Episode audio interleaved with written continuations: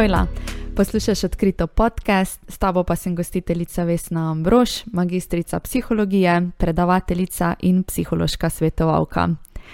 Danes bo s tabo ena prav posebna gostja in sicer Dajana Smolnik, ki je zgovorna in pa simpatična primorka, magistrica dietetike in pa ustvarjalka vsebin, ki kreira z enim Instagram profilom, ki ga najverjetneje zelo dobro poznaš in to je Jem z glavo.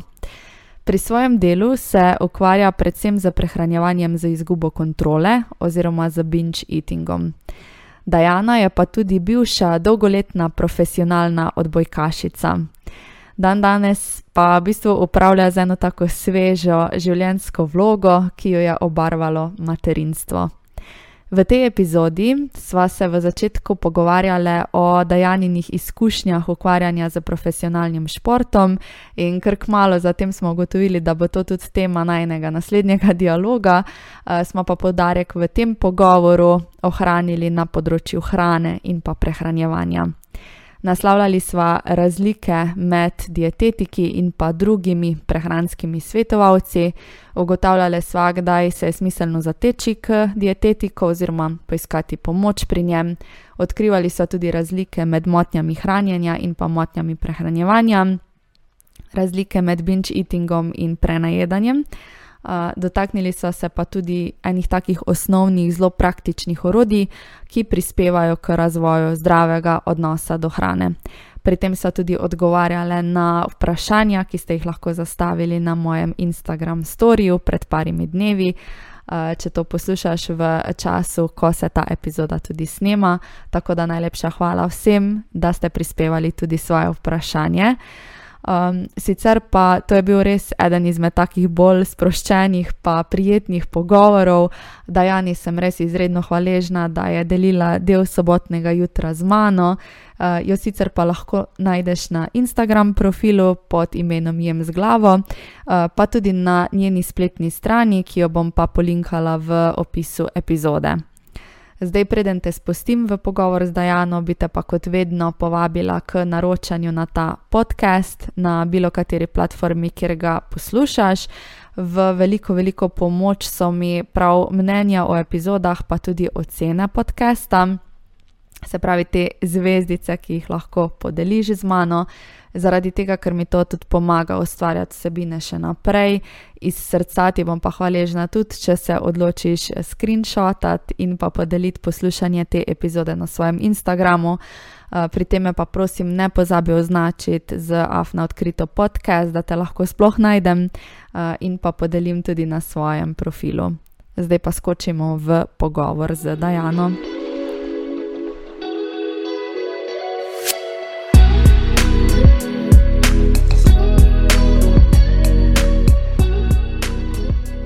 Hojla, Dajana. Kako si? super, kot sem ti že prej rekla, naspana danes. ja, ja, to je vedno ful fajn, a ne, da smo potem tudi miselno prisotni, da lahko imamo en tak čudovit dialog, da smo spočite, polne energije. ja, mislim, meni je, meni je spanec že prej ful pomenil. mene moj mož heca, da jaz nisem ne jutranji ne večerni človek, jaz sem oni vmesni. Tako da, ja, zdaj pa mi ta spanec še toliko bolj pomeni.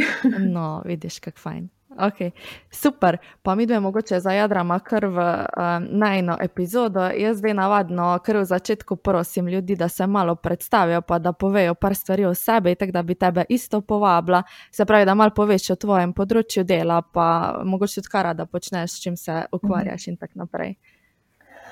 Ja, zdaj tako, moja predstavitev, bom rekla, se bo osredotočila na to obdobje, kjer sem zdaj. jaz sem, trenutno mama, žena, dietetik na starševskem dopustu. kaj sem še? Upokojena poklicna športnica.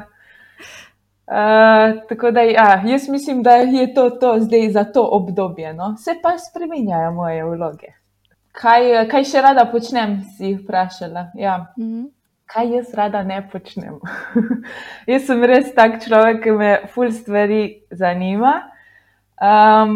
zdaj zadnje tri leta bi rekla, da sem vzljubila rastline, uh, nek tak poseben uh, občutek miru mi dajejo. Um, rada imam svojega psa, rada imam živali, čeprav se jih dosti bojim, ampak jih imam rada.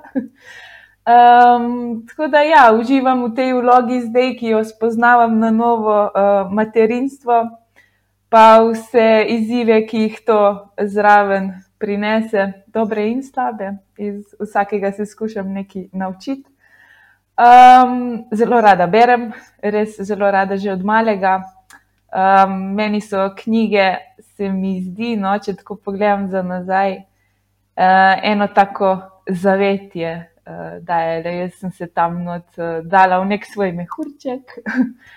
pa, um, ja, mislim, vedno sem se fajn počutila, ko sem brala, znala sem se uživati v različne zgodbe. Tako da, ja, knjige so res, mislim, imajo eno tako posebno mesto pri meni. Mislim, da je to to. A ja, kaj še, glasba, na to ne smem pozabiti. Uh, jaz izhajam iz take malo bolj umetniške družine. Uh, ja, moja mama je zelo spretna z ročnimi deli. Um, moja sestra je glasbenica, moj oče je glasbenik. Tako da, ja, glasba, glasbo imam v krvi.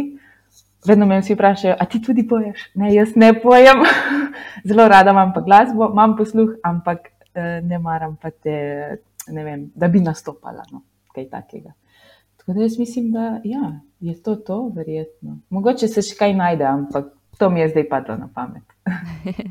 Ej, dobro, se pravi, bolj ena taka ustvarjalna duša, ne, ki ima marsikaj rada.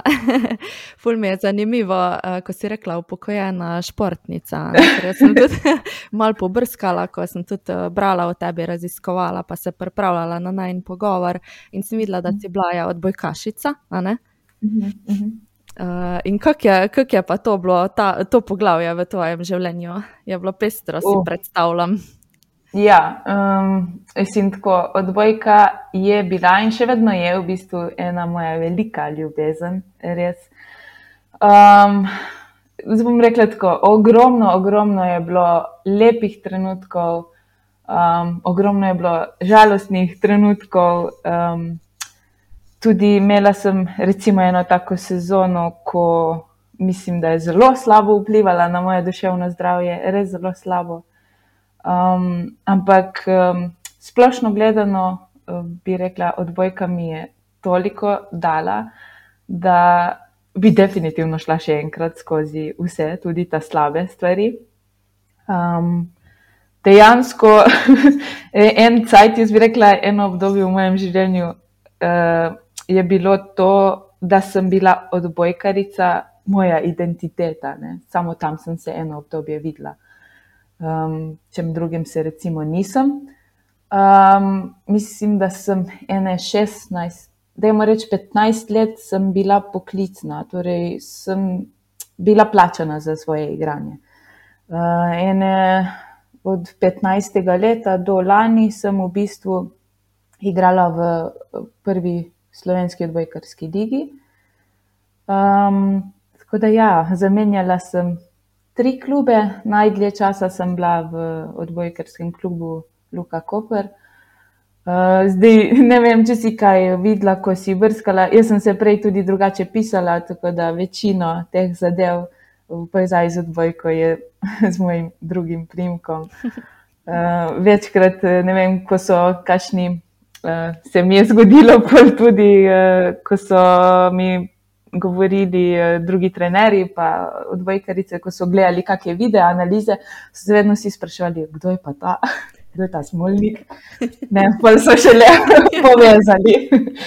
Ampak ja, um, ful, ful, lepo obdobje, meni je to dalo, mislim, odbojka mi je dala najboljše prijateljice, res uh, dolgoletne prijateljice, še zdaj sem si z večino zelo blizu. Um, dala mi je odkrita prijateljstva, ker smo bili v bistvu v, rekla, tako, ko si v športu, v ekipnem športu, si konstantno v enem takem, v taki družbi, ki so um, te osebe so hkrati tvoje najboljše prijateljice, najboljši podporniki, hkrati pa so tudi tvoji rivali. Ne? Ti si, ko si v ekipnem športu, si v bistvu lahko zelo dober z nekom, ki je na istem igralnem mestu kot ti, ne? pa hkrati se borita za to eno mesto, hkrati pa sta ful dobra prijatelja. Tako da zelo, zelo posebni odnosi. Um, bom rekla, ogromno me je pripravila na realno življenje, za kar sem zelo hvaležna. Recimo, meni um, reševanje konfliktov ni tako tuje, uh, sem jih navajena. Uh, delati recimo v kolektivu mi ni bilo tako tuje, ko sem šla, recimo, ko sem dobila prvo službo, mi ni bilo tako čudno delati v enem velikem kolektivu, ker sem navajena vedno tako delati v um, velikem kolektivu, ne, dejansko si imaš 12-13 soigralk, pa tu je pol še um, trenerski štab, pa vodstvo, ne, zmeraj si v nekem kolektivu v športu. Tako da ja, mislim, to je v bistvu, to se mi zdi, kar se odbojke tiče. Imam rada tudi dvojko na Milki, uh, sem tudi en čas uh, igrala uh, bolj intenzivno tudi to ampak pol sem na eni točki odnehala, ker enostavno ni šlo več. Uh, jo pa zelo rada igram v prostem času, no, poleti, ko lahko. uh, ful zanimivo, ne? ker prej si tudi omenila, pa pri ogromno ljudeh se to zgodi, tisti, ki se dolgo časa ukvarjajo z športom, pa res pač intenzivno na tak način, kot si se tudi ti, da postane tisti šport del njihove identitete. In veliko krat je pol tudi težko ustvariti en tak prehod od nekega vrhunskega športa, potem na druga področja v življenju, ko smo z njim nekako zaključili ali pa se upokojili. Ja. Tako da verjamem, da je bilo to kar tako naporno obdobje, pa zelo zmedeno obdobje. Ja. uh, mislim, tako je bilo. Um, jaz sem tudi bila v slovenski reprezentanci, kadetski in mladinski, in v bistvu, um, ja, to so zelo intenzivni treningi, ampak tudi psihološko je to zelo intenzivno. Ti že od eh, malega si v bistvu podvržen tej tekmovalnosti, ampak to mora biti v neki meji normale, ker je res težko to prenesti in marsikdo se odloči, recimo v srednji šoli, odnehati z športom. Ravno zaradi tega, ker pol ni več toliko samo igra ne, in veselje. To postane že malce bolj resno in zdaj. A boš zmogel to ali ne, pa je odvisno od vsakega posameznika. Uh, tako da, ja, mislim, meni je tudi odbojka, um, bom rekla, tel, telovadnica, no, dvorana je bila moj drugi dom.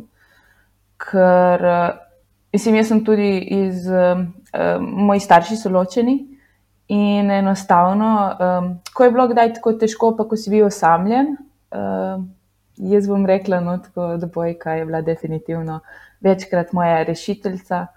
Eh, če ne bi imela športa, mislim, bi se lahko kakšni, v kakšnih trenutkih kakšna stvar v mojem življenju slabše razvila, eh, končala. Tako da sem res, eh, jaz na odbojko, predvsem iz te strani, no, glede tega, um, gledam res takimi srčki v očeh.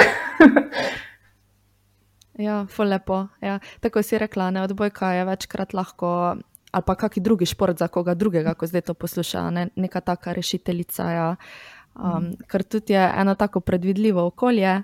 Na, pravila so določena, vemo, kako igrati, radi igramo in pademo tudi v en tak flow, verjetno med igro, ne? ko v bistvu mhm. deluje zelo terapevtsko. Tako da tudi, ko imamo včasih kakšne druge težave, recimo nas tista igra lahko veliko krat reši iz tega. Ja?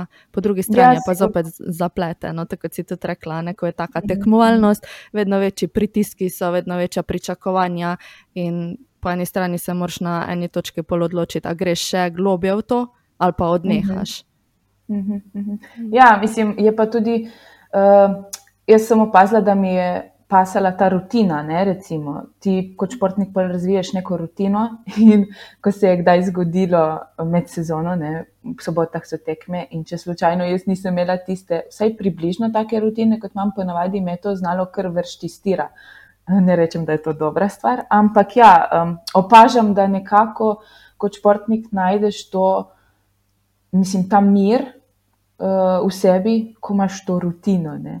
in jaz mislim, da zaradi tega se potem tudi eni težko ločijo od tega, ker se bojijo, ne, kaj, kaj novega bo to vse prineslo. Zato sem se jaz tudi, ko sem se odločila končati z odbojko, jaz se nisem kar naenkrat. Jaz sem pač tako ene, dve leti prej že vedela, ok, zdaj počasi, počasi bo to šlo proti koncu, kako si jaz zdaj želim, da to zgleda. Sem si naredila nek okviren plan, neka okvirna pričakovanja, vsega ne moreš imeti tako, kot ti hočeš. Um, tako da ja, in, in je šlo, no, je šlo. Je, je pasalo, da sem že. Uh, vmes med igranjem uh, dobila službo in lahko se začela med tem ukvarjati z nečim drugim. Ampak tudi, če je bilo naporno, zelo naporno, uh, ampak ja, je, je pa bilo ogromno pozitivnih stvari uh, zaradi tega, ne, ko sem končala z odbojko. Mm. Ja, da, ja, no, jaz mislim, da je to eno tako področje, ko se vidi še mogli kdaj pogovarjati o tem. Z veseljem. Ja, ker nisem vedela, da bomo tukaj to zaplavali. In tako bomo zdaj se tudi ostalih področji dotaknili, ampak to je definitivno eno tako področje, ko je ful zanimivo. Pa če mm. boš zaga, bomo še malo bolj raziskali.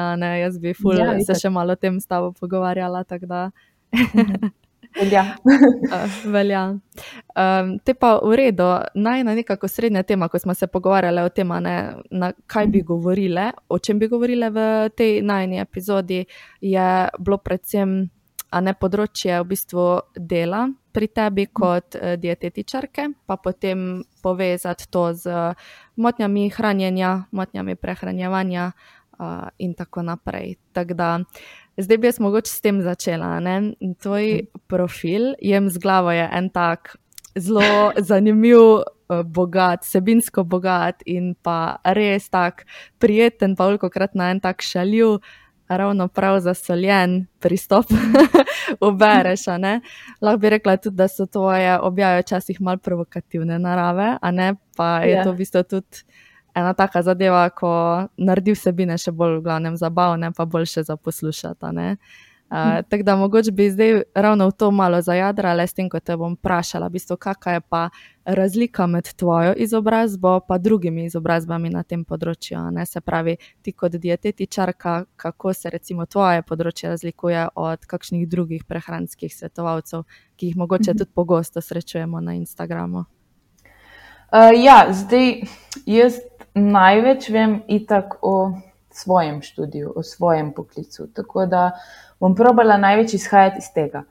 Um, jaz sem uh, opravljala svoj študij na zdravstveni fakulteti, ne fakulteta za vede v zdravju. Tako da tekom študija je kar, kar precej um, zdravstvenih predmetov, medicinskih, tako da. Um, Ja, dietetik je v bistvu zdravstveni trenutno sodelavec, veliko se govori o tem, o tem da bi se ga um, v bistvu bolj premestilo v delavca, zdravstvenega delavca, ampak to bomo še videli, za zdaj smo zdravstveni sodelavci. In uh, v bistvu na ta način je tudi narejen ta študij, ne? da se veliko, veliko poudarja to zdravstvo, delo v zdravstvu. So seveda tudi druge, druga področja prehrane, ne da ni. Ampak, recimo, če primerjam z biotehniško, verjamem, da imajo tam malo več poudarka glede same prehrane, ne, ta biotehnološki pogled. No.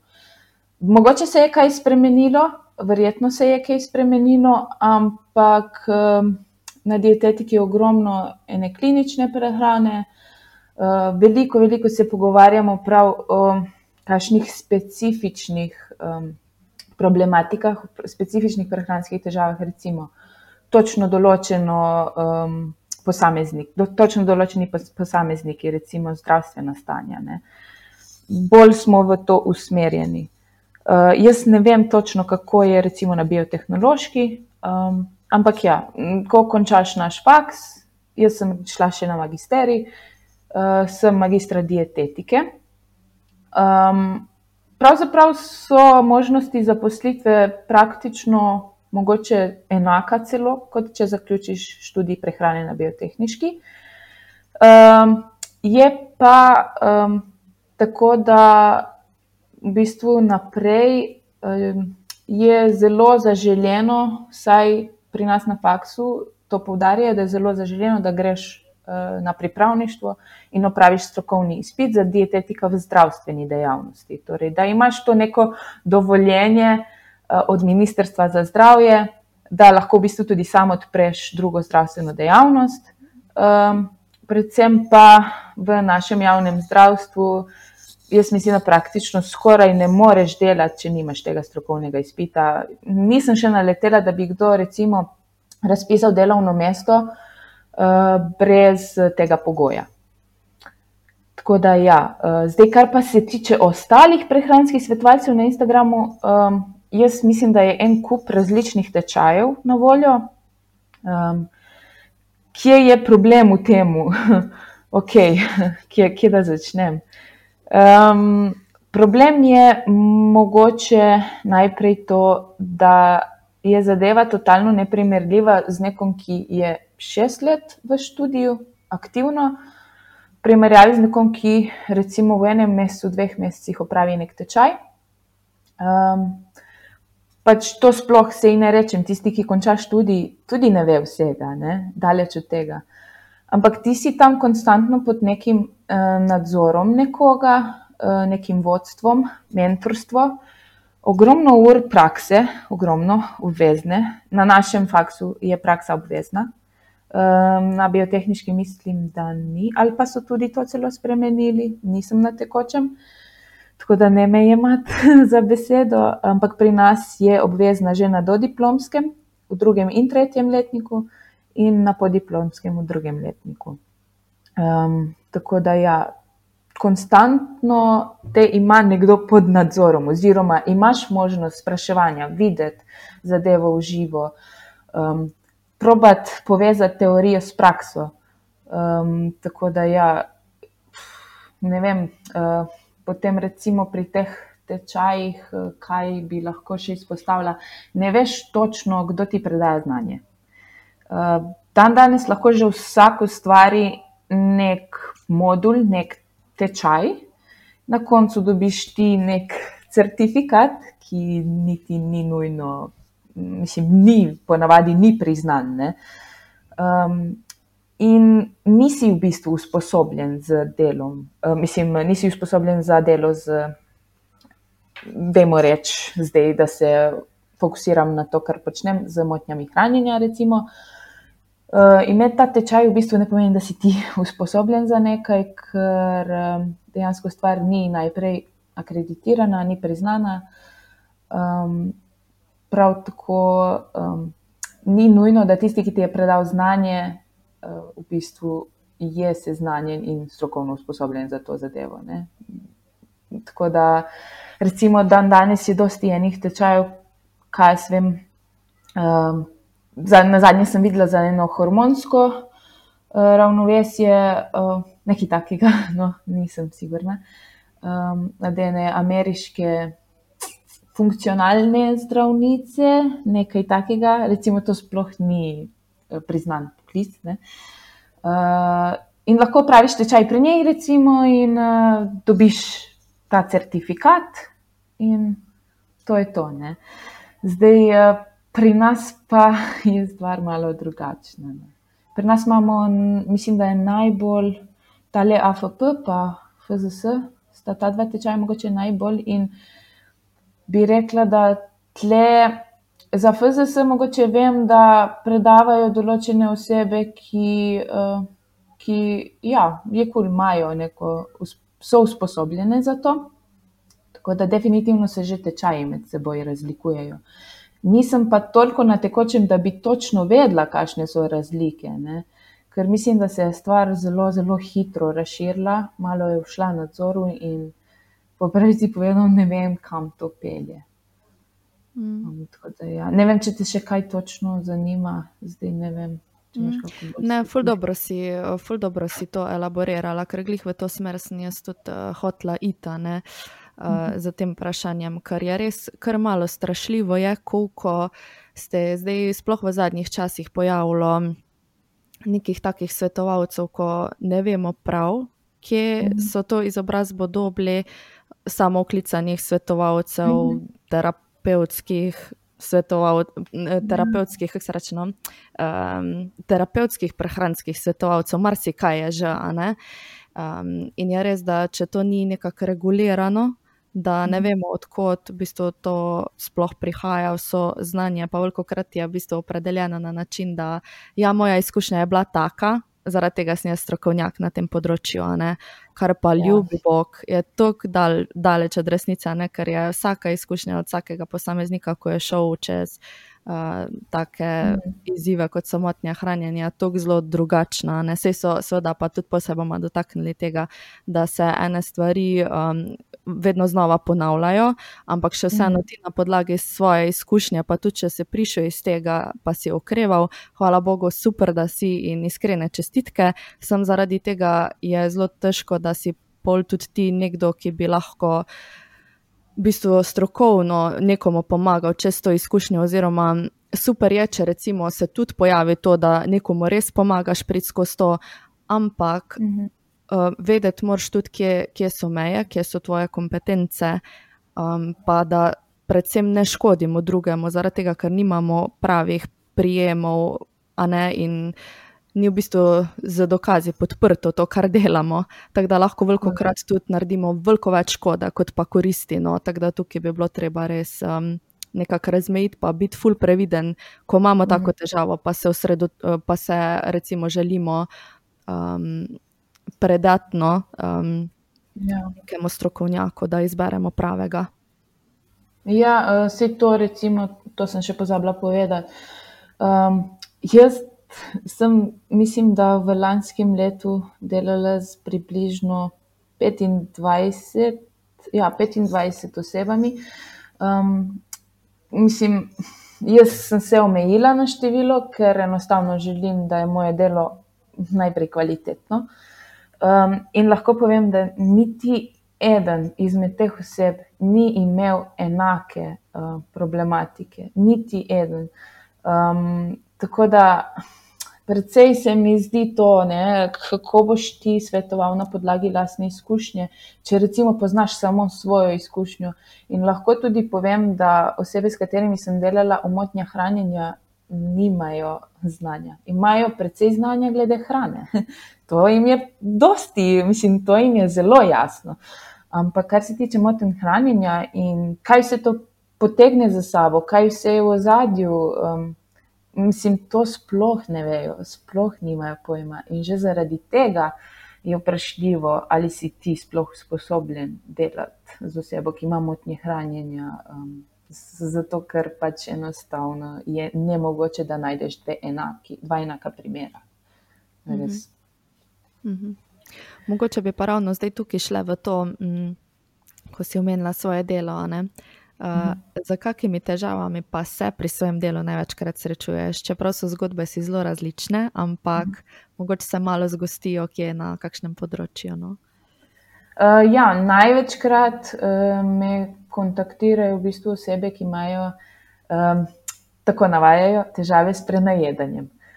Um, zdaj, um, to prenajedanje, mislim, tudi, uh, da ne bom narobe se izrazila, tudi osebe, ki imajo bulimijo, nervozo, ker je pač prenajedanje del um, te motnje. Ne? Oziroma, uh, uh, ljubši mi je izraz uh, hranjenje z izgubo nadzora, ker gre v bistvu za dve različni zadevi, to lahko tudi potem razložim, če želiš. Um, tako da, ja, sre, srečujem se z osebami, največ, ki imajo motnje prehranjevanja in motnje hranjenja. Pri kar nekaj od teh um, v bistvu uh, same osebe ne vejo, uh, zakaj gre točno, ali je to motnja prehranjevanja ali motnja hranjenja. In uh, jaz tako probam z nekimi vprašalniki, malo presejalnimi vprašalniki, ugotoviti, kaj bi lahko bilo kaj v zadju. Če vidim, da je v bistvu lahko kakšna motnja hranjenja, uh, potem uh, usmerim dalje za nadaljno obravnavo. Um, večinoma sodelujem uh, z, kot del, bom rekla, multidisciplinarne obravnave. Tako da in se je res, res izkazalo za zelo, zelo uh, bom rekla, krv pomoč. No? Pridem, pridem marsikateremu psihologu prav, zato ker se lahko bolj fokusirajo na svoje uh, delo, na svoje področje, da lahko jaz ta prehranski del pokrijem. Um, ampak ja, bom rekla, da še vedno večinoma sem imela osebe z motnjami prehranjevanja, torej motenimi vzorci prehranjevanja, ki, hvala Bogu, niso šle tako zelo daleč. Um, in v takem primeru pa v bistvu lahko tudi jaz sama pomagam. Edino, če ugotovim, da gre za kakšno stvar, mogoče, ki bi jo bilo dobro predelati s kakšnim drugim strokovnjakom. Tako da sem pri svojem delu zelo pazljiva nikoli ne grem, ah, ok, to bom pa jaz znala, veš, to, to ti bom pa rešila. Ampak um, tako, se vedno zavedam tega, kaj še ne vem, sem zmeraj pazljiva, sprašujem prava vprašanja. Um, in ja, potem pač se odločam na podlagi uh, teh ugotovitev, kako dalje, kako naprej. Zato pravim, da ni bilo ene še enake osebe. Nimam nekega, ja, nek nek približen protokol, neke korake imam, ampak vedno moram nekako prilagoditi vsakemu posamezniku, uh, ker je treba presoditi uh, ne, na podlagi tega primera, kako postopati in kam daleč lahko, kako daleč lahko grem. Mhm. Tako da je ja, precej individualno. Ampak če odgovorim direktno na vprašanje, večinoma s prenajedanjem in bulimijo. Sem pa imela tudi par primerov anoreksije, ampak to sem bila recimo kontaktirana naknadno strani psihologov ali psihoterapeutov. Mm. Super. Zdaj, tako prej, ko si rekla, da bomo še pogledali razliko med prenajedanjem in bolimijo, bi jo z veseljem, bi pa te še prej samo rada vprašala za vse, ki poslušajo. Pa so tako, ok, zdaj je Dajana rekla uh, motnja hranjenja, polja vmes rekla pa tudi motnja prehranjevanja. Pa bi mogoče to razliko najprej povedala za vse, ki vejo. Ja, eh, zdaj sicer sem videla, da si tudi ti imela epizodo o tem, ampak bom ponovila. Uh, motnja prehranjevanja je v bistvu neko izolirano vedenje prehransko, moteni vzorci prehranjevanja, eh, ki pa niso nujno del motnje hranjenja. Medtem ko je motnja hranjenja duševna bolezen, duševna motnja, in znotraj te motnje hranjenja se pa lahko eh, pojavljajo, oziroma se ponavadi pojavljajo moteni vzorci prehranjevanja. Um, Tako da, predvsem ta razlika je, da gre na eni strani torej za motnjo hranjenja, gre za duševno bolezen, motnje prehranjevanja pa ni nujno, lahko pa so predstopnja. Ne? Lahko se razvije v motnjo hranjenja, če gre stvar zelo daleč, če ni dovolj hitro tretirana. Eh, in pravzaprav pri meni je tako, da pri meni, oziroma vse tako, sem jaz imela mm, izkušnje s tem, da čisto vsak do zdaj, s katerim sem delala, ki je imel motnje hranjenja, je imel vedno, vedno, vedno predtem najprej motnje prehranjevanja. Zato jih jaz uh, jemljem zelo resno, tudi če ne gre za bolezen, jaz jih jemljem zelo resno in ker vem, kam lahko pelje težava, mislim, kam lahko pelje tako prehranjevanje. Um, in uh, ja, mogoče si kdo kdaj misli, da ja, če imam motnje prehranjevanja, ne rabim neke strokovne pomoči. Uh, ni nujno, ker v bistvu lahko si narediš veliko korist, ne, če pravočasno to nasloviš. E, da, mislim, da sem povedala ta glavno razliko. Mhm. Okay. Mhm. Ja, ja, super. Uh, Tako da motnja prehranjevanja, ne, tukaj smo pa zdaj tudi pogovarjali o bolimi, drugače sem spada recimo tudi tipično anoreksija, pa kako kompulzivno prenajedanje, pa take stvari. Uh, pri motnjah prehranjevanja je pač tudi del, ne, tako kot si razložila, so neki neprilagojeni vzorci hranjenja, ker pa ne nujno, um, oziroma ne gre za to povezavo, da imamo pa mi tudi recimo dismorfičen pogled na naše telo ali pa mhm. težave s samopodobo, ampak se res specifično na um, hrano vežejo, recimo, da imajo. Težave z teksturo hrane, ali pa da so fulzbirčni pri hranjenju, ali pa da jejo mogoče tudi kakšne take stvari, ko niso a priori hrana, ne, tako je mhm, bajka, um, yeah, ja, yeah. Ja. motnja prehranjevanja, take stvari. Tako da zdaj se bomo pa na motnje hranjenja predstavljali. Ja. Uh, pa bomo tudi povedali to razliko, ki se mi zdi fulj zanimiva ne, med bolimijo nervozo kot motnjo hranjenja, pa potem prenajedanjem, kaj zdaj to pomeni. Ok, zdaj po tem posodobljenem priročniku, ne, diagnostičnem, ki si ga, mislim, da tudi ti sama omenila v eni epizodi, um, je v bistvu zadeva se malce posodobila. Uh, zdaj imamo, uh, če se ne motim, ne vem na pamet, bi mogla imeti priročnik zraven, ker je to tako se kar razširilo, um, poglobili so se precej. Uh, imamo v bistvu osem diagnoz, če se ne motim. Uh, prej, pod, uh, prej smo imeli v bistvu anoreksijo nervozo, bulimijo nervozo in kompulzivno prenajedanje. In pod kompulziv, mislim, kompulzivno prenajedanje je bilo tako precej razširjeno. Um, v glavnem smo imeli te tri glavne no, diagnoze, potem so bile še zraven. Uh, mislim, da je ja, pika, pa uh, ostale nespecifične motnje hranjenja. Kot pravim, ne znam na pamet, bi mogla imeti zraven, ker ne morem si vsega zapomniti. Um, in ja, pod ta posodobljeni priročnik pa spada tudi, recimo, um, binge eating disorder. Ne? In zdaj, jaz mislim, da tudi zaradi tega, ker imamo zdaj ogromno enih, uh, ker je dosti več diagnoz, pa malo več se ve o motnjah hranjenja, pa tudi motnjah prehranjevanja, da prihaja tudi kdaj pa kdaj do ene zmede, ne? Uh, predvsem med lajki. Uh, kar je čisto razumljivo, ker jaz, ko sem se podala v izobraževanje in raziskovanje tega področja, sem rabila ene zadeve večkrat prebrati, predelati, da sem sploh da sem razumela točno tako, kot moram razumeti. Ne, ne po svoje, ampak točno tako, kot pač je treba stvar razumeti.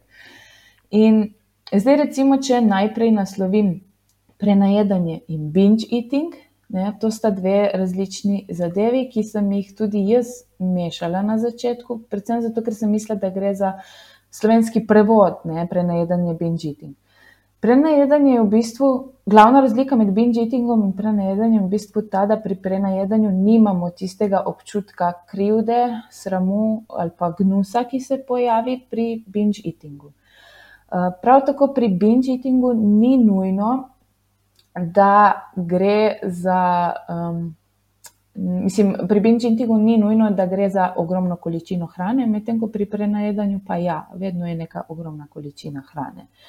Uh, binge, eating pa se, binge eating pa je v bistvu izguba um, hranjenja z izgubo nadzora, ne prevod slovenščini, in gre za to, da ti izgubiš nadzor nad hranjenjem, um, tudi če niso to neke ogromne količine, ampak je bolj ta občutek, da ti enostavno uh, opisuje to kot, to, kot da nisi v stiku s svojim telesom, kot da nisi tam, ko se to dogaja. Uh, Eh, potem, ko se stvar zgodi, um, imaš ta občutek krivde, sramu, gnusa, hude, slabe vesti. Uh, v tistem trenutku, ko pa v bistvu uh, se dogaja binge eating, pa ti daje neko uno, trenutno zadoščenje, ne, uh, ki pa traja zelo kratko časa. Um, in, ja, in še to hočem razložiti, to je pa tudi pomembno binge eating in binge eating disorder. Binge eating, če go, govorimo, oziroma če se vrnemo nazaj na motnje prehranjevanja in motnje hranjenja, razlika. Ne? Binge eating je motnja prehranjevanja, torej neko izolirano vedenje, ki se lahko pojavi tudi um, izven motnje hranjenja. Um, Medtem ko binge eating disorder pa je motnja, izgube, uh, motnja hranjenja z izgubo nadzora, in se ta binge eating se pojavlja znotraj motnje hranjenja. Um, je, da pa stvar še bolj zakompliciram, tako binge eating se pa lahko, oziroma se pojavlja tudi pri bulimiji nervozi, torej pri motnji hranjenja, ki jo imenujemo bulimija nervoza, s tem, da pri bulimiji nervoza sledijo vedno. Um, Ko bi rekla, uh, tehnike za manipulacijo telesne mase bodi si je to postenje, um, pretirano, pretirana telovadba, tako res obsedena telovadba. To je nepurgativna oblika, medtem ko pa imamo pri purgativni obliki bulimije nervoze, pa običajno uporaba um, kašnih tudi odvajal in, uh, in bruhanje, seveda to najbolj znano. Um, Tako da, ja. zdaj pa, če se fokusiram res na binge eating, o katerem je največ govora, tudi na socialnih omrežjih na splošno, je pa kot sem omenila, ta glavna razlika prenajedanje in binge eating, ta, da prenajedanje tu ni izgube nadzora in tudi tistega občutka krivde, sramu. Uh, Po epizodi, po epizodi ni, medtem ko pri binge eatingu pa to je. In kot sem že omenila, količina hrane. No. Upam, da mhm. sem povedala to, kar sem želela, da ne bom kaj, uh, mislim, da ne bom še več zmede ustvarila. Ja, je ful, um, mislim, zelo kompleksno je, in še vedno ja. se raziskuje, in še vedno je, tako kot si povedala, terminologija, recimo v angleščini ali pa prevedena pol v slovenščino, je lahko drugačna in se mhm. drugače tudi razumejo pojave, in zaradi tega je res taka zmeda. Ampak ja, navadno ljudje res prihajajo in rečejo, da se ful prenajedajo. To je v bistvu tisti tipičen opis njihovih težav, um, kaj pa se po njihovo tudi um, dogaja. Ok, um, dobro, zdaj bi mogoče pa malo pogledali, uh, zakaj mhm. se v bistvu ohranjanje z izgubo nadzora pa pojavi pa predvsem kakšno vlogo imajo pri tem čustva, ne? ker veliko krat je pa tudi uh, govora o tem čustvenem prenajedanju mhm. Ali pa čustvenem binge eatingu, odvisno kako oseba to opredeli pri sebi. Uh, ja, zdaj, glede binge eatinga. Uh, poznamo načeloma tri mehanizme, zakaj do tega prihaja, torej zakaj prihaja do binge eatinga. Uh, prvi mehanizem je ta rigidnost prehranevanja, striktnost, pravila okoli prehranevanja. In do binge eatinga pride, ker recimo en, en razlog je zato, ker se prekršiš. Ne? In potem v bistvu strokovnjaki poročajo o tem efektu, eh, da si prelomil abstinenco, ne? da te, tega, da si se vzdrževal, da si se držal teh pravil, pravilo si prekršil in zdaj pa, hu, ne, zdaj pa navali narode, ne, ta efekt ustvari.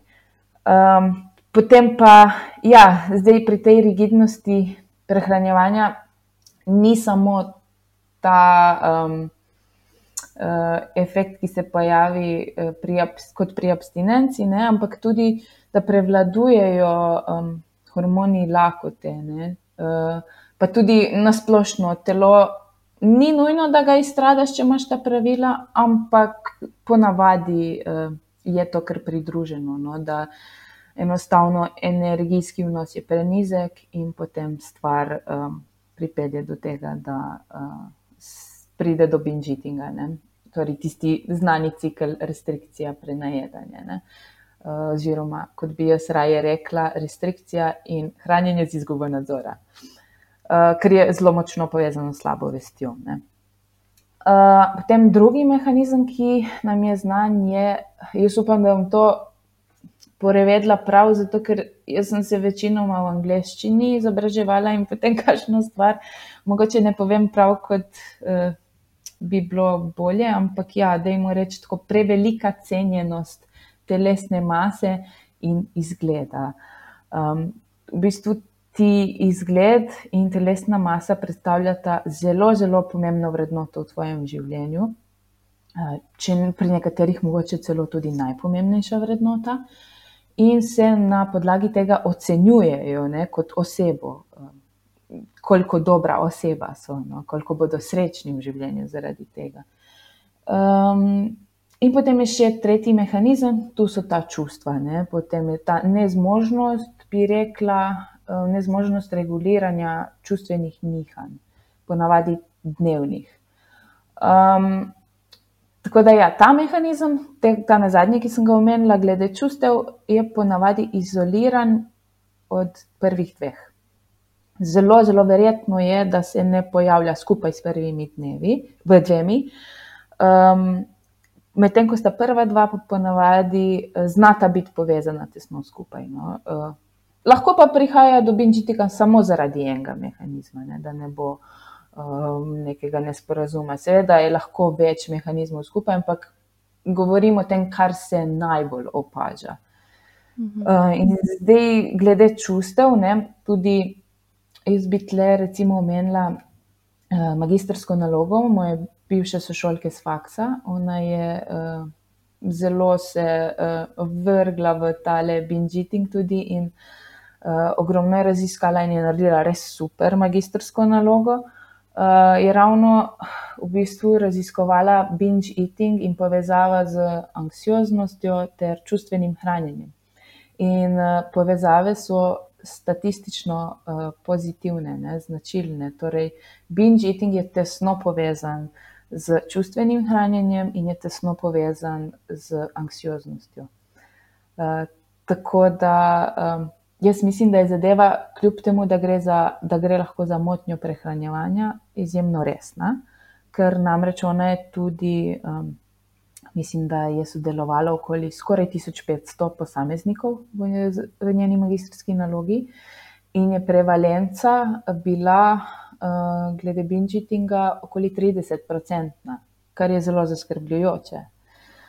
Um, tako da, ja, in to zdaj ne pomeni, da nekateri niso izpolnjevali še pogojev za motnjo hranjenja, lahko da so nekateri pač padli tudi pod to. Ne?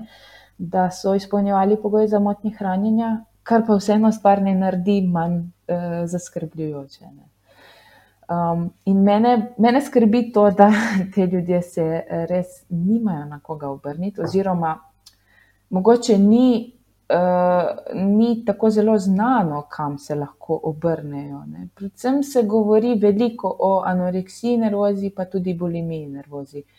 In je razumljivo, da osebe. Um, z anoreksijo in nervozo uh, imajo prednost, še posebej, če govorimo o hudi podhranjenosti. In zaradi tega osebe z binge eating disorderjem ne dobijo ustrezne pomoči. Ampak jaz se malo tako sprašujem, kam, kam pa to vse skupaj pelje. Kaj, a, na, problemi bojo vedno večji, kdo bo vsem tem ljudem pomagal. um, tako da, ja. Um, malo sem se zdaj, malo sem zatavala, ok, v glavnem te mehanizme sem naštela, kar sem želela našteti. Eh, kar želim povdariti, pa je to, da ni vedno um, vzrok za binge eating, uh, niso vedno vzrok čustva. No, Zato sem želela razložiti te tri mehanizme, zakaj prihaja do tega. No. Mm, mm. Ja, se pravi, lahko je kateri izmed posameznih mehanizmov preplet vseh treh, preplet dveh, mhm. kakorkoli. Mm -hmm pa tudi uh, vedno, ko govorimo o neki taki patologiji hranjenja, je itak na spektru. Ko se vedno ja. nekdo vpraša, recimo, ja, imam motnjo hranjenja ali nimam, vse ni tako preprosto kot ja, pa ne. ne? Mhm. Lahko se gibamo po neki taki dimenziji, lahko imamo kakšna obdobja hm, ali pa kakšne sprožilce, ko nas potisnejo v, bistvu v diagnostično območje, recimo tako je bila um, koronavirusa. Ne? To je bilo eno tako ja. tipično obdobje, ker je veliko ljudi, ki so se že rešili, recimo, moten hranjenja, spravilo nazaj, ne v, v mm. to območje, zaradi tega, ker je pač bilo. Uh, toliko nekega nepredvidljivega okolja, ljudje so stajali sami, izolirani od družbe, ne, in so se spet pojavljale te misli ja. in pa pol ta vedenja. Tako da to je res ena tako komplicirana stvar, ko ni samo ja ali pa ne, ali pa to oziroma ono, ampak je preplet in v glavnem ja, zelo tak trdovraten ja. pojav. Mm. tudi glede korone, ne, pa te mm. socialne mm. izolacije. Um, ravno, mislim, pri mojih varovancih je bilo ogromno tega, da so se epizode pojavljale, ko so bili sami. Um, tako da, ja, ni, ni tako čudno, da je takrat bil tak porast, ne, kot praviš. Mm. Nekateri so bili spet podvrženi svojim triggerjem. Um, tako da, ja, zelo, zelo težavno Tako. obdobje, bi rekla. Ja, točno to. Ok, ja. zdaj pa mogoče gremo na malo bolj praktično področje. Eh, se pravi, kako pa mi dosežemo en tak bolj sproščen, pa bolj v narekovajih, a ne zdrav odnos do hrane. Tako da tukaj bi se zdaj malo bolj konkretnih nasvetov, recimo, lotle za vse, ki to poslušajo. Bi pa jaz mogoče kar tukaj izpostavila eno vprašanje sledilke, ko je bilo. Um, uh mhm. -huh. Se mi zdi tukaj relevantno, pa bomo mogoče iz tega lahko izhajali. Se pravi, vprašanje ja. je bilo, kako obrniti ta začaran krok tudi v praksi, ne samo v teoriji, ki jo že vsi zelo dobro poznamo. Se pravi, ko govorimo uh -huh. o tem mhm. začaranem krogu, govorimo o uh, tem, da je veliko krat neka restrikcija. Ne, huda restrikcija, ki pa potem privede tako daleč, da občutimo eno tako psihofiziološko pomankanje, ko ga na eni točki zlomimo, ne? ker ne moremo več, ker biologija prevzame nadzor, ja. prevzame volan in takrat se seveda um, potem tudi zaradi takega hudega pomankanja um, lotimo hrane, lotimo prenajedanja, prenajedanje se zgodi, oziroma ne, hranjenje z izgubo nadzora se zgodi. Ja. um, in potem sledijo občutki krivde, neke nemoči, uh, sramu in tako naprej, in potem se to zopet. Bilda, bilda do točke, ko si zopet želimo pač neke restrikcije, ne? uh, in je ta uhum. krok tudi sklenjen. Tako da samo malo ponovimo, o katerem krogu govorimo, čeprav ga uh, vsi že poznamo, sem prepričana. Uh, Se pravi, yeah. Ja. uh, zdaj to vprašanje te sledilke je pa bilo, v teoriji je torej to razumljivo, se pravi, poješ kak piškot, ko storte in podobno, in je to to, in si na tak način pomagaš. Praksa pa vsakič pokaže, da temu ni tako. In tudi, ko v glavi poštimam, ja, samo tako storte pojem in bo vse ok, gre potem to v teden ali dva prenajedanja. Mhm. Predvsem zato, da bi rada povedala, ker ne gre za pravo teorijo. Um, z, itak, da pol praksi ne gre, ker tle je že teorija zgrešena. Um, ja, dosti, dosti je, um, predvsem na socialnih omrežjih, na sveta, kot je, če si želiš čokolado, pojej čokolado in ne jabolke, ker Eh, stvar ne bo rešena. Vse to, to je vse res, ja.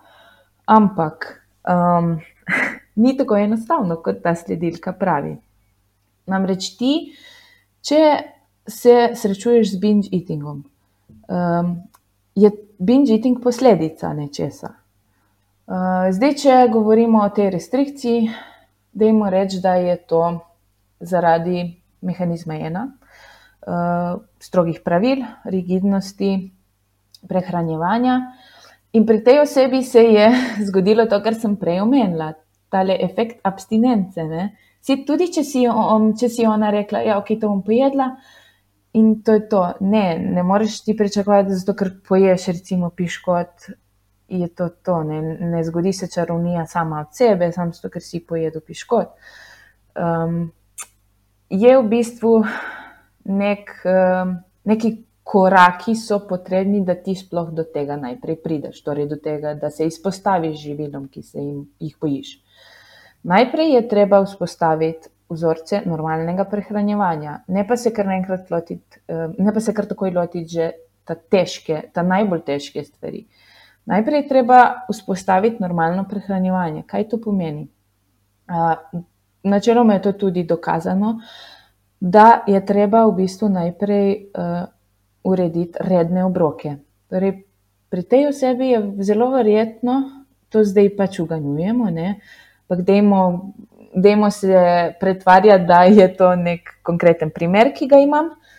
Uh, ima ta oseba težave z, na prvem mestu z restrikcijo.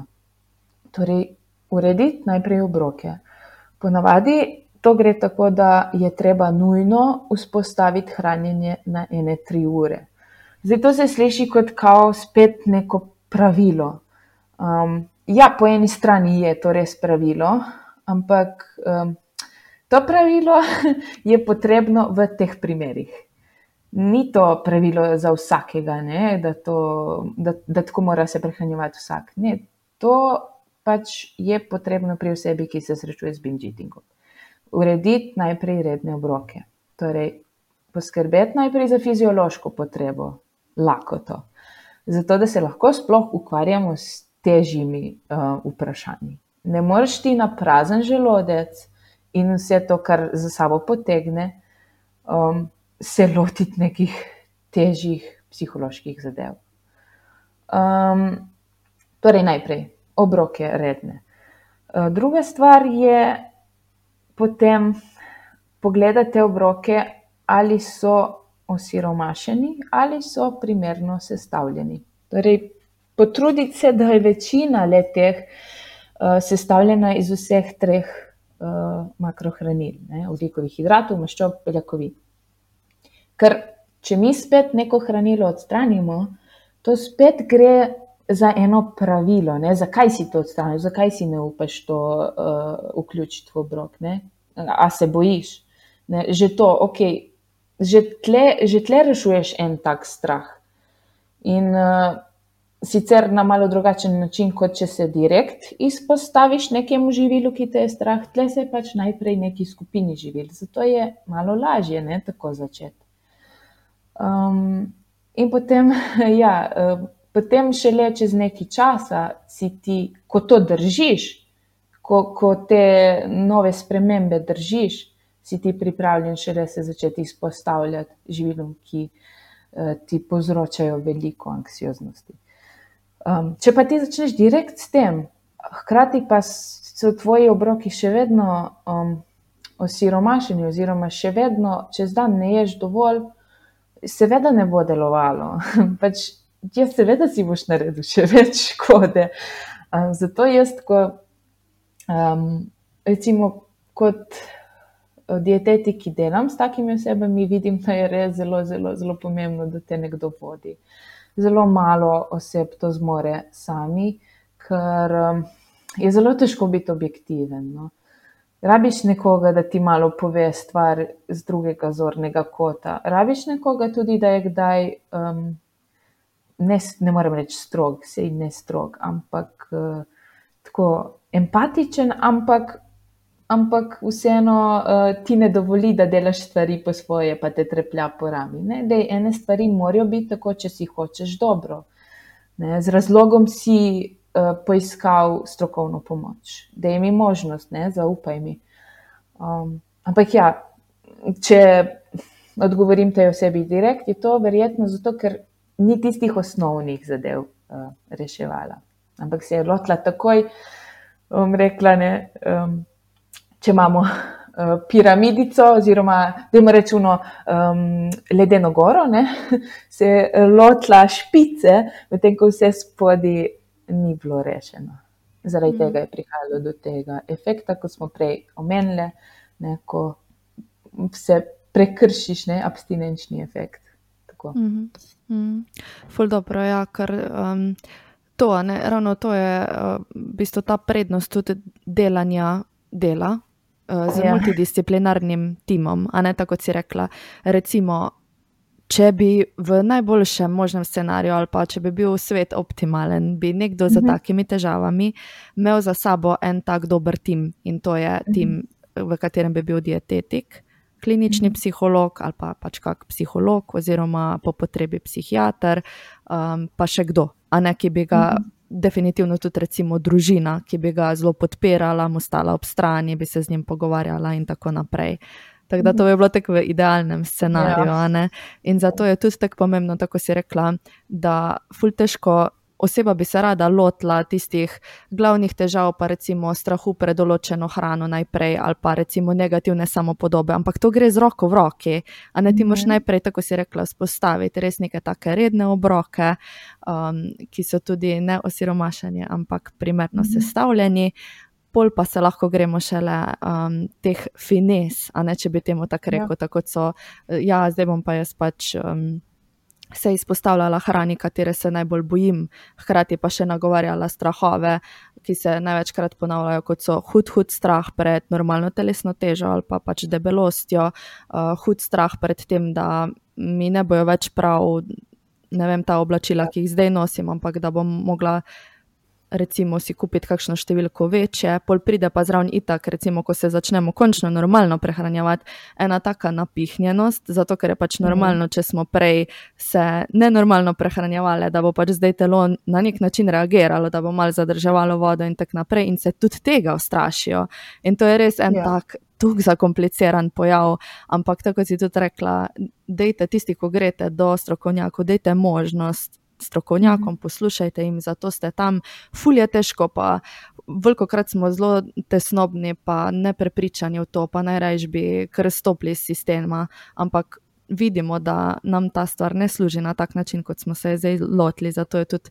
Smiselno, da damo priložnost pač nekim um, normalnim obrokom in normalnemu prehranjevanju, ki ga pač i tako sploh ne poznamo več, pa ne vemo, kako izgleda. No, se tudi to, um, glede tesnobnih občutkov, ne? mm. nekaj jih tudi mora biti. Da, recimo, Točno. to povem na glas za osebe, ki poslušajo. Točno. Ne pričakovati, da ko se tega ločiš reševati, da se, bo, da se bosta tam cedila med in mleko, pa metulčki bojo okoli leteli. Ampak ne, to bo zelo verjetno zelo težko, um, ker se ti pač moraš temu izpostaviti. Um, nek strah pred spremembami je normalno, da je zraven. No. Ampak zato pa je tudi tam oseba, usposobljena oseba, da ve, koliko daleč lahko gre. Seveda, preveč tudi ni ok, ne? ampak ravno prav ravno prav, eh, da spodbudi malo te, um, te tesnobnih občutkov pri tebi. No. Zato je tudi zelo pomembno, da uh, se v bistvu obrneš na usposobljeno osebo, glede moten hranjenja, ne, ne na kar nekoga, ne. pozanimati se, uh, ali, ali ima oseba specifična znanja no, na, za to področje. Uh mhm. Ok, super. Zdaj imamo še pa eno malo daljše vprašanje, pa bi mhm. mogoče še to naslovile. E, zanima mhm. me, če je možno, da telo razvija pomotnja hranjenja upor do določene hrane. Sama sem imela pet let anoreksijo, potem pa še dve in pol leti bulimijo. Potem, ko sem se pozdravila, sem nekaj časa lahko jedla vse, razen mesa. Čez nekaj let, potem pa sem začela bruhati po vseh ribah, jajcih, ne prebavljam niti mlečnih izdelkov zdaj sem dejansko veganka, ker mi živalska hrana tako grozno smrdi. Kdaj moram celo iz kuhnje, če zavoham jajca. Me pa tudi zanima, če uh, so lahko takšne posledice zaradi prejšnjih moten.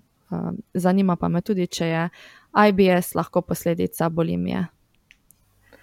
Uh, ful dobro vprašanje, ker dejansko, kar je kar znano, že, um, je, da dolgoletne motnje hranjenja povzročijo spremembe na prebavilih, oziroma lahko pustijo trajne spremembe. Um, pri nekaterih se lahko stvar vrne na normalo, vendar uh, je potrebno kar nekaj let. Je pa tudi možnost, da ostanejo te posledice um, pač trajne ne, do konca življenja. Uh, kar pa ne pomeni, da ti ne moreš uh, kljub temu živeti lepo. Um, tako da, ja, uh, ta oseba poroča o tem, o, da je imela kar, kar nekaj let motnje hranjenja in je seveda normalno, da je to pustilo posledice na prebavilih. Namreč uh, motnje hranjenja so problematične tudi zaradi tega, oziroma predvsem zaradi tega. Ne? Mi, vem, da se vedno izpostavlja zunanje, ne, zunanje posledice. Vsi vidimo zunanje posledice. Ampak motnje hranjenja vplivajo tudi na organski sistem, eh, na v bistvu na prebavila, na, na skelet, na mišice, seveda. In konec koncev prebavila so mišice, ne gladko mišiče. In še posebej pri anoreksiji opažamo spremembe v prebavi, ker eh, podhranjenost vpliva na mišičnino in uh, mišice so tudi prebavila, uh, sama absorpcija se spremeni, uh, težave na splošno s prebavo, ne veliko napihnjenosti je lahko, uh, ona poroča tudi o bruhanju. Ne. Ja, ja, lahko pusti trajne, trajno škodo na prebavilih. In kar se pa tiče tega, da ima odpor ravno do živalske hrane. Jaz priznam, da kaj dosti o tem ne vem. Sem pa že slišala primere, da, mm, da v bistvu po motnjah hranjenja je imel marsikdo težave ravno z živalskimi beljakovinami. Ne vem zakaj, nimam, nimam dovolj znanja na tem področju. Lahko je kaj povezano tudi z uh, presnovo, ne bodi si encimi, ne vem, delovanje hormonov, lahko je, ampak tega res ne vem. Uh, vem pa ja, da IBS je definitivno lahko uh, posledica moten hranjenja, dolgoletnih moten hranjenja. Ja. Mhm. Seveda spet zaradi tega, ker pač motnja hranjenja vpliva na prebavila. Mm. Da, ja. Lahko je, ampak ne morem, nisem jaz zdaj tle diagnostik, nočem reči, da je definitivno pri njej to razlog, ne, ne vem. Ampak ja, je možnost. Mm. Ja, mogoče bi, ne vem, jaz bi recimo svetovala, da obiščejo družinskega zdravnika mm ali pa kakega specialista, da bi pol tudi pomagal v bistvu z, z temi prebavnimi težavami, pa ostalimi stvarmi. Zato, ker tudi če je, ne vem, toliko IBS-a prisotnega, pa vnetje nekega črevesja, pa flore, pa to, da ja. bi bilo fajn to zajeziti čim prej, ne, definitivno Sigurno. ni to fajn zadeva. Ja, ja um, ker mogoče uh, lahko tudi ne bi bilo slabo, če dobi kako napotnico za specialista, ne, mm. uh, mogoče kako gastroskopijo uh -huh. narediti, ne, lahko kaj ugotovijo. Lahko res ugotovijo, da je kaj drugega ne, v zadju, ki je lahko posledica motnje hranjenja. Ampak vseeno je recimo potem znana problematika, ne, znana je zdravstvena težava in ve, kako naprej postopati. Tako da definitivno, jaz se strinjam obvezno k osebnemu zdravniku. Ja, to bi jaz tudi rekla. Ko mi je zdaj je tako po glavi šlo, da bi ja. si kdo rekel, um, ja, ti se bomo pa zdaj pozdravili za hrano, pa boš kako hrano izločila, pa boš imela kaki detoksa, ne zato, da boš malo uh, črevesje uh, spreobrnila in ne vem, kaj še sem, ampak prosim osebnemu zdravniku, da ja, ugotovijo, ja, ja. če so kakšne druge težave tukaj prisotne. Mm. Mi je žal, da se s tem soočaš, je pa res fajn, da čim prej greš po pomoč. Ja. Okay, uh, mi smo nekako prišli na, uh, na eno urco. Uh -huh. uh, jaz bi še fully rada s tabo debatirala, ker se mi zdi, da je še toliko stvari ostalo odprtih. Tako da uh mhm. -huh. mogoče se dogovorimo za drugi del, če boš ja, ja. tudi za to. ja, itak, itak. Se strinjam, da ne bo, ker tudi potem enostavno ne moreš več eh, trezno razmišljati, traje potem. Tako, da ne bomo zatavali preveč. Tako, uh, mogoče bi zaključili z tem vprašanjem, uh, kdaj je po tvojem mnenju čas, da bi se zaradi težav z prehranjevanjem zatekli k dietetiku, pa na kaj bi tudi mogoče pazili, ko izbiramo svojega strokovnjaka za prehrano, kakšni so tvoji nasveti? Hm. Ok, zdaj bom tako odgovorila. Uh, kadarkoli se lahko zatečeš k dietetiku, uh, glede svojih prehranskih težav, ker tudi, kot smo že prej omenili, ne, um, ne rabiš ti imeti moten hranjenja, zato da poiščeš strokovno pomoč. Lahko deluješ tudi že preventivno, lahko si narediš ogromno uslugo, če se odločiš prej za strokovno pomoč.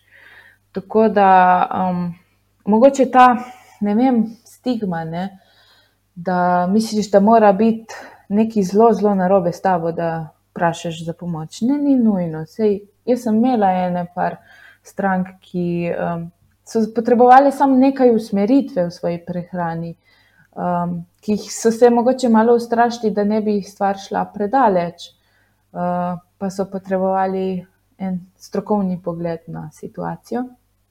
In uh, jaz sem ful vesela za te osebe, ker to pomeni, da so delovali zelo zrelo in odgovorno.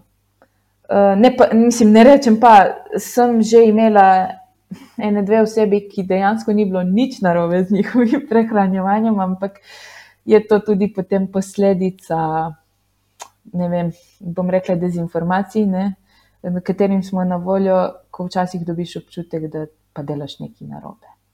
Ampak vseeno ni bilo za manj, zato ker sem nekako jih pomirila.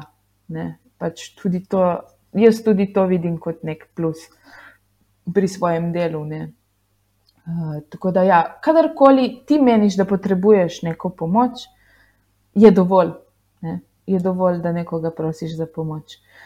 Zdaj, kaj paziti, ko se odločamo za prehransko svetovanje? Okay. Um, mogoče bom kaj spustila, ampak bom probala res tisto, kar se mi zdi najbolj pomembno. Je, da v bistvu uh, smo pozorni na to, da oseba odgovarja na naše vprašanja v povezavi um, s tem, ne vem, kje so naredili, oziroma kje so opravili svojo izobrazbo, kakšna je njihova izobrazba, ali to skrivajo, to ni najbolj, se mi zdi, odgovorno in etično od nekoga.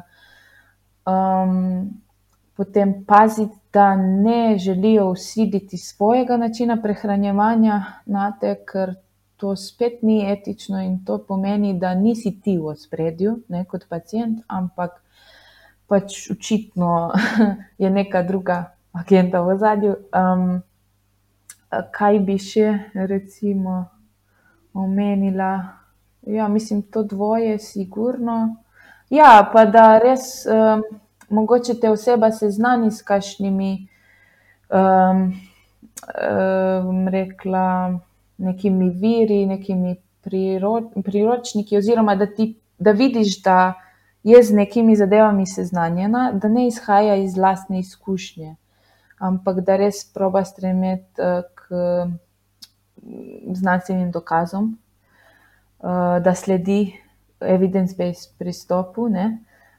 Torej, če nekdo preveč izpostavlja svojo lastno izkušnjo in jo uporablja za prehransko svetovanje, jaz bi rada povedala, da to ni strokovno in ni etično. Tudi če so nameni pozitivni in če so nameni zelo lepi te osebe, to enostavno ni dovolj. Mogoče, mogoče to dvoje. Bi, bi ti še kaj dodala, mogoče, če se spomniš? Kaj? Uh, mislim, da si, da si zelo lepo povedala. Um, ne vem, če bi, če bi kaj drugega dodala. Mm.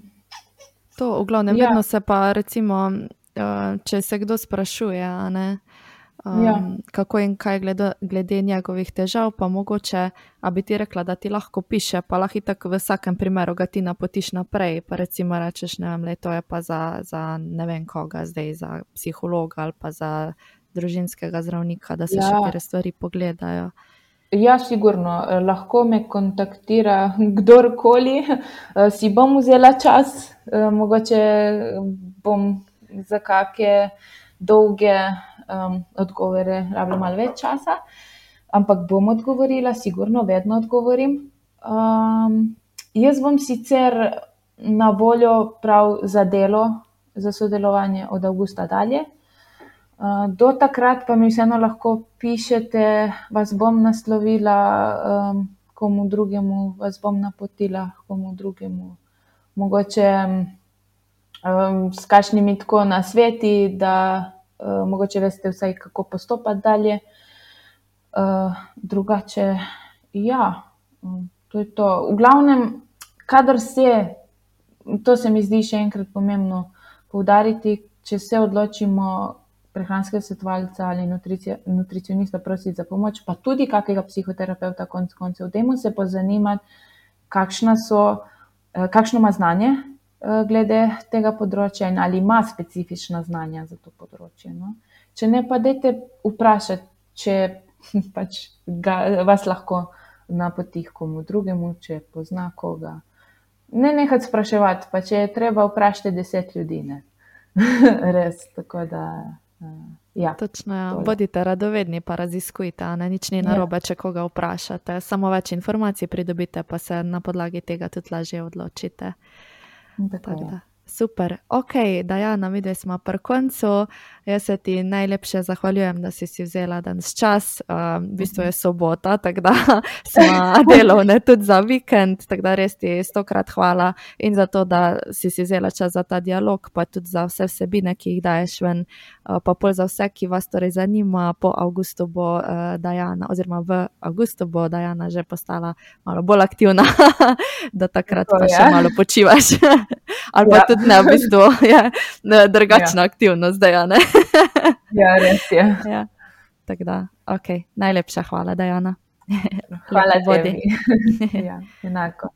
Čau, čau. Čau.